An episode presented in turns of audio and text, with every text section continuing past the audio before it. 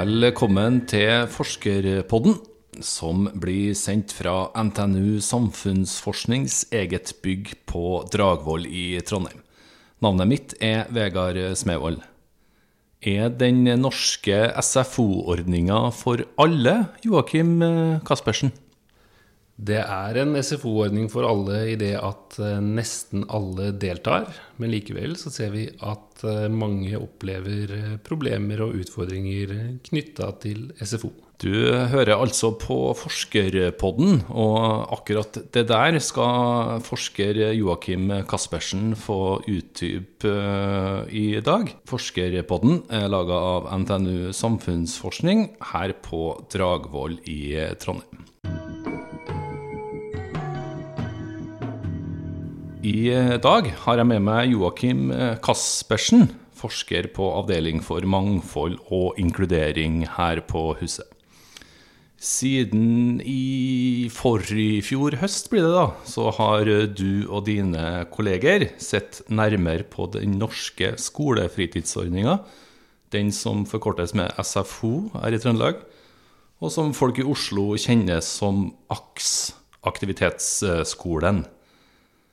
Hvem er det som faller utenfor Joakim Caspersen? Nei, altså for de aller fleste fungerer som sagt SFO bra. Og det er 82% av førsteklassingene som deltar i SFO. Så det er blitt et tilbud for alle sånn sett. Men for elever som har litt ekstra utfordringer i skolehverdagen, så oppleves koblinga mellom skole og SFO som vanskelig. Og det skapes en del problemer der for mange. Særlig gjelder dette elever med funksjonshemming, behov for spesialundervisning i skolen. Men vi ser også for minoritetsspråklige at SFO er en arena som kanskje kunne fungert bedre som en inkluderingsarena. Dere har sett på SFO og AKS i hele Norge, som sagt, og laga en rapport som dere har kalt 'Lek, læring og ikke-pedagogikk for alle'. Det ble litt medieoppmerksomhet rundt den før jul, og i en kommentar i Adresseavisa så skrev Trygve Lundemo at den norske SFO-ordninga er en skandale. Hva tror du han mener med det? Det han konkret viser til, er jo at SFO-ordninga SFO i Norge er overlatt til kommunene, både i hvordan innholdet skal være, og hva den skal koste. Alle skal ha en SFO-ordning, og det er noen minstekrav til hva, hvordan den skal planlegges, som handler om åpningstider og sånn. Men innhold og pris overlates til kommunene helt. Det betyr at vi har variasjon mellom null kroner i enkelte kommuner for et SFO-opphold, eller for å gå på SFO, til over 4000 kroner i andre kommuner per måned. Så per år så er det store summer. I tillegg så er jo da innholdet svært forskjellig. Du nevnte Oslo. Der har man i AKS fokus på læringsstøttende aktiviteter, og at SFO, eller AKS, da, skal støtte opp om skolen. Dvs. Si at de skal kobles mot skolens læringsmål og kompetansekrav der. Mens i Trondheim har man f.eks. valgt en helt annen innretning, der man legger vekt på barns lek og egeninitierte aktiviteter. Også rundt om i landet så finner vi varianter av dette. Det er på en måte to ytterpunkter, da kanskje. Så poenget er at når du kobler et innhold som varierer stort, med en pris som varierer stort, så får folk rundt omkring i landet, foreldre og barn, veldig forskjellige eh, tilbud de betaler for, og en stor variasjon der, da. Mm. Har Lundemo rett i at det er en skandale, da, dagens ordning? Nei, Som jeg nevnte innledningsvis, så er det jo de aller fleste veldig fornøyd. Eh, og det er viktig å ha med seg, at vi ikke overdramatiserer. Eh, I vår rapport så skriver vi jo ingenting om noe skandale i det hele tatt. Eh, og vi er ganske positive, men vi prøver å peke på en del punkter som er problematiske, da. Så vi er kanskje opptatt av noen andre aspekter enn det Lundemo er opptatt av. Og det gjelder bl.a. dette jeg snakka om, som eh, barn med særlige utfordringer i skolen som får enda større utfordringer i SFO. Mm. Hva vet dere, vet dere om uh, volumet på denne gruppa? da? Hvor mange er de? Hvor mange som har ekstra utfordringer? Mm. Nei, altså det blir Vi har ikke noen konkrete tall. Men hvis vi tar utgangspunkt f.eks. i eh, omfanget av spesialundervisning i skolen, så ligger jo det på en eh, 7-8 eh, totalt. Mm. Og hvis vi da sier at de også opplever, mange av de opplever utfordringer i SFO, eh, så er vi kanskje på et sånt tall. Eh, det her blir litt spekulasjon, da, men ja. i tillegg så kommer barn som ikke har spesialundervisning, men som opplever store utfordringer i skolen. Og så minoritetsspråklige som eh, ikke har spesialundervisning nødvendigvis, de heller. Mm. Ja, så ganske liten, mange. Det er liten tvil om at det er en uh, betydelig gruppe, i hvert fall. Ja. Mm. Eh, Lundemo nevnte også at uh, denne prisforskjellen i ytterste konsekvens kan føre til at foreldre velger å holde ungene sine hjem. Hva vet dere om hvor mange det Ja, vi ser at når de kom, altså I første klasse, første trinn, så er det som sagt 82% som velger å ha barn på SFO. Mm. Eh, men etter hvert som barna blir større, så synker jo andelen ganske betraktelig. Så til andre trinn så er det 76 mm. eh, og 58% på tredje og 31% i fjerde trinn. Det er jo første til fjerde trinn man har en skolefritidsordning, mm. stort sett. Mm. Det er det man må ha. Eh, og det betyr jo at etter hvert som barna i større grad klarer seg selv hjemme, så velger man det bort. Mm. Om det er pga. innhold eller pris, eh, er jo litt eh, vanskelig å si, men veldig mange, når vi spør de hvorfor de ikke har barn på SFO lenger, så oppgir de prisen som en viktig årsak. Da. Og hva skulle til for at de hadde valgt SFO på nytt? Jo, at det var gratis eller mye billigere. Mm. Så det fins dem som oppgir at uh, det blir for dyrt. Ja. Mm. Og det er også at uh, de minst ressurssterke da, uh, kanskje også er blant den gruppen her, gjør vel òg at de sosiale forskjellene øker, vil jeg tro. Ja, til dels. På én side så er det riktig. På den annen side så har man hatt veldig mange tiltak mot den gruppa, særlig i de store byene de siste åra ved å tilby gratis deltidsplasser på SFO. Ja, riktig. Eh, både i Trondheim, Drammen, Oslo og andre byer har man hatt det. Eh, det har gjort at deltakelsen har økt veldig i områder med lav eh, deltakelse. Og opplegget har vært sånn at det har vært knytta til at enkeltskoler har gratis plasser. Sånn er det i Trondheim, og sånn har det vært i Oslo og andre steder. Eh, det står i motsetning til at man gir en felles moderasjonsordning til alle. Som vil si at hvis du tjener mindre enn et visst eh, eh, nivå, så får du en billigere plass. Det har man ikke valgt. Man har gitt gratisplasser på enkeltsteder isteden. Ja, ut fra hvem som bor der. Så dermed har man truffet ganske bra med de tiltakene, egentlig. Og fått opp deltakelsen i områder der den ellers har vært lav. Mm. Og så har det gitt noen eh, nye konsekvenser. Da. Nye eksklusjonsmekanismer, kaller vi det i, i rapporten. Ja, På hvordan måte? Nei, det som skjer er at For det første så kan jo to skoler som ligger veldig tett eh, ved siden av hverandre, ha, der, være at den ene har gratisplasser, og den andre ikke. Og skolekretsene kan være veldig nærme hverandre, slik at de som bor på i praksis den ene sida av gata, har gratisplass, mens de som bor på den andre sida av gata, ikke har gratisplass. Og det er ingenting som skiller de bortsett fra at de bor på hver sin side av gata. Ellers så er jo folk som bor i nærheten av hverandre, ofte ganske like sånn sosioøkonomisk sett. Mm, mm. Eh, så det er én forskjell som oppstår mm. innad i kommuner. Ja, riktig. I tillegg så har vi eh, sett eh, eksempler på at eh, på eh, skoler med deltidsplass, gratis deltidsplass, så oppstår det et skille mellom de som har gratis deltidsplass, og de som betaler for en fulltidsplass. Ehm, der eh, barn f.eks. blir sendt ut i skolegården når deltidsplassen er ferdig, men uten at de blir henta av foreldrene. Eh, slik at de rett og slett, for å sette det på spissen, så blir de kasta ut fra SFO mm, mm. Eh, og må oppholde seg ute isteden. Sånn at det blir veldig tydelig segregering der.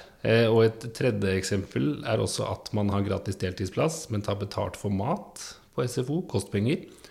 Eh, og de som da ikke betaler for det, eh, får ikke mat på SFO. Da får du to køer eh, internt på SFO, der en gruppe får mat og en ikke får mat. eh, som også blir et veldig sånn synlig ekskluderingsmekanisme når alle i utgangspunktet har kommet inn. Så det skaper nye former for eksklusjon. Da. Og store forskjeller, som eh, vi etter hvert har skjønt. Det her er jo unger som, som er bare 6-7-8-9 år. Det er ikke så lenge siden de var i barnehagen. Hva vet vi om uh, hvordan det fungerer i barnehagen da, mot SFO? Uh, blir det liksom totalt forskjellig når, du, når dine barn begynner på skolen? Ja, altså tenk på overgangen fra barnehage til SFO. Der er det altså De fleste SFO-er har jo eh, måter å treffe barna på før skolestart, og de åpner gjerne for at barn kan komme på besøk, f.eks. Eh, og noe er eh, knytta til innskriving og skolebesøk. Men generelt så er den kontakten som går på direkte på barn, går via skolen. Så skolen blir et, et sånt Det er skole og barnehage som har kontakt, ikke så mye SFO og barnehage. Ja, sånn, ja. Mm. Eh, og det er jo litt paradoksalt i og med at de fleste barn starter jo ikke rett på skole, men rett på SFO. Og har tre uker eh, som SFO fulltid før skolen begynner. I juli-august, ja. Ja. Men der har det også skjedd en endring. Da, for mens vi holdt på med evalueringa, så kom det en ny forskrift som sa at skole og SFO og barnehage skal ha måte formelle planer for eh, samarbeidet eh, i overgangen fra barnehage til skole. Så der har det skjedd en endring mens vi eh, holdt på, som, som kanskje har endra på ting. Da. Det har vi ikke fått undersøkt i, i rapporten vår. Jeg hører jo du nevner en del eh, tiltak. Hva vet du om andre tiltak som skal gjøre den ordninga her eh, mer rettferdig? I tillegg til det her med gratis deltidsplasser, så er det mange eksempler på at kommunene utvikler eh, politikken sin og ordninger med SFO. Både når det gjelder innhold, kompetanse hos de ansatte og tilgang til SFO. Der er det stor variasjon i hvordan de jobber, selvfølgelig. I tillegg så kommer det en stortingsmelding eh, etter hvert om tidlig innsats, der SFO skal være en viktig del, har de sagt. Så vi får tro da at eh, forskning eh, virker. Du sier likevel at foreldrene er stort sett fornøyd med ordninga. Hva slags tall har du på det? Ja, altså det er eh, Når vi spør foreldrene det veldig enkle spørsmålet, eller ber de ta stilling til påstanden 'barnet mitt trives på SFO', så er det 91% som er litt enig eller helt enig eh, i det. Eh, så det tyder jo på at de er veldig fornøyde. Eh, så blir bildet litt annerledes hvis vi spør eh, foreldrene til barn med særskilte behov. Eh, da har jeg ikke prosentandelen direkte, men eh, altså disse 91% oversetter til et gjennomsnitt på 4,5, mens eh, barn med særskilte behov har et lavere gjennomsnitt på 4. Så det er en ganske stor forskjell mellom de to gruppene, da, selv om de også er fornøyde. Det virker som det koker litt ned til at de, det er de barna som egentlig trenger SFO mest, som også kanskje er mest misfornøyde. Ja, eh, det stemmer nok. Eh, og det er jo noe sånt at eh, SFO fungerer for de aller fleste som en forlenga del av skoledagen. Og det bare er nødt til å gjøre det. Man forholder seg ikke veldig mye til det, men det er en praktisk løsning på den utfordringa man har med å ta vare på barna etter at skolen er ferdig. Kom, SFO i dagens form oppsto som et resultat av seksårsreformen i skolen. Eh, da du fikk eh, enda mindre barn eh, inn i skolehverdagen, og som måtte ha et sted å være også etter skolen.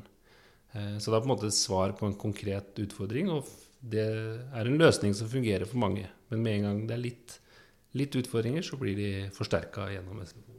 Mm. Hva er den verste Eller hva, hvordan er de verste historiene du har hørt da, om der det ikke fungerer like bra? Nei, vi har sett uh, ulike eksempler, og de mest alvorlige eller uh, vanskelige historiene er knytta til barn med særskilte behov. Der de istedenfor å være med de andre barna ute og leke, blir sittende inne på rom med en voksen. Uh, og hvor de også opplever at pga. manglende eller sier at pga. manglende kobling mellom skolen og SFO, tiltak som ikke følger barnet fra skole til SFO, så velger de rett og slett spesialskole isteden. Mm, mm. Og det er jo da eh, et eh, Det som skjer da, er jo at organiseringa av skole-SFO avgjør hvorvidt barnet går på spesialskole, ikke foreldrenes ønsker eller barnets behov, som er det som skal telle ifølge opplæringslova. Mm. I tillegg så ser vi jo eksempler knytta til dette med gratis deltidsplass, hvor barn blir eh, sendt ut når, gratis, eh, når plassen deres er eh, brukt opp, for å si det sånn, Mm, de få timene de har. Om å være aleine i skolegården til foreldrene kommer både før og etter skoletid. Alt dette er eksempler på det vi har kalt i rapporten ikke-intenderte konsekvenser av sosial handling, som er et sånt sosiologisk begrep. Ja. Eh, men viser ofte til sideeffekter av offentlig politikk der man har oppnådd hovedmålet, få flere inn i SFO, men det oppstår nye utfordringer, da, nye eksklusjonsmekanismer eh, som man ikke hadde tenkt på i utgangspunktet. Det er flere knytta til det når det gjelder gratis deltidsplass. Også det at man opplever at eh, kvaliteten på tilbudet eh, går ned når flere kommer inn. Eh, fordi man rett og slett får færre penger å, å administrere. Altså For flere kommer inn pga. gratis deltidsplass og velger bort å betale for en heltidsplass. Mm, mm. Dermed så får du mindre penger å bruke. Så for de som allerede er inne i tilbudet, opplever de at tilbudet blir dårligere. Eh, og det samme sier også noen eh, rektorer da, og, og SFO-ledere. Så både ansatte, foreldre og, og ledere peker på det som en utfordring. Ja, riktig. Du har eh, sammen med tre kolleger her på huset og to eh, svenske forskere fra Stockholms universitet laga denne rapporten her på 190 sider ca. Hvordan har det vært å jobbe med den? Det har vært veldig morsomt. Eh, Vi er jo som sagt da tre til her fra NTNU Samfunnsforskning. Mm. Christian Wendelborg, Siri Mordal og Marco Valenta. Mm. Eh, og så har vi med samarbeida med Stockholms universitet, eh, Anna-Lena Jusberg og Nihad Bunar. Eh, det som er spesielt med Sverige, er jo at de har en helt annen tradisjon for skolefritidsordning. Mm. Mm. Den er organisert på en annen måte, den er knytta til skolen på en annen måte gjennom en egen rammeplan. De har en egen lærerutdanning for skolefritidsordningen. Ja, såpass. Og Det gjør også at de har en lang forskningstradisjon på dette. Eh, og de vi har hatt med oss, eh, er sentrale personer på disse utdanningene og i denne forskninga. så det har vært veldig givende. De har vært med oss ut i norske SFO-er og besøkt og sett hvordan det foregår i Norge. eh, og bidratt med sin eh, refleksjon etterpå og sin kunnskap. Hva syns de om eh, norske tilstander, da, hvis du kan bruke et sånt begrep eh, i SFO? På én side så sier de at uh, i praksis, til tross for alle de rammene man har uh, i Sverige, så er ikke hverdagen så ulik i norske og svenske okay. skolefritidsordninger. Samtidig så er den variasjonen de ser uh, her i Norge, mye større enn den de selv mener er i Sverige.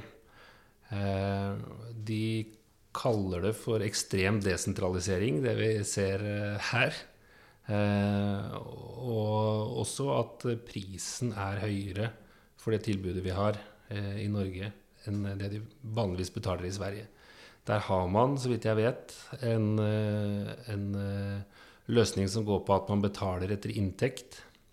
Men også der de som har best inntekt, betaler ganske mye lavere enn det som er gjennomsnittet i Norge. Mm. Mm. Slik at prisene er lavere generelt sett. Du sier det har vært eh, morsomt å jobbe med det. Eh, Hvorfor det? Eh, Hva har vært så givende? Vi er jo utdanningsforskere, vi som jobber med det her. Og akkurat i SFO så samles veldig mange problemstillinger som er interessante knytta til nettopp dette med inkludering, eksklusjon, marginalisering. Mm.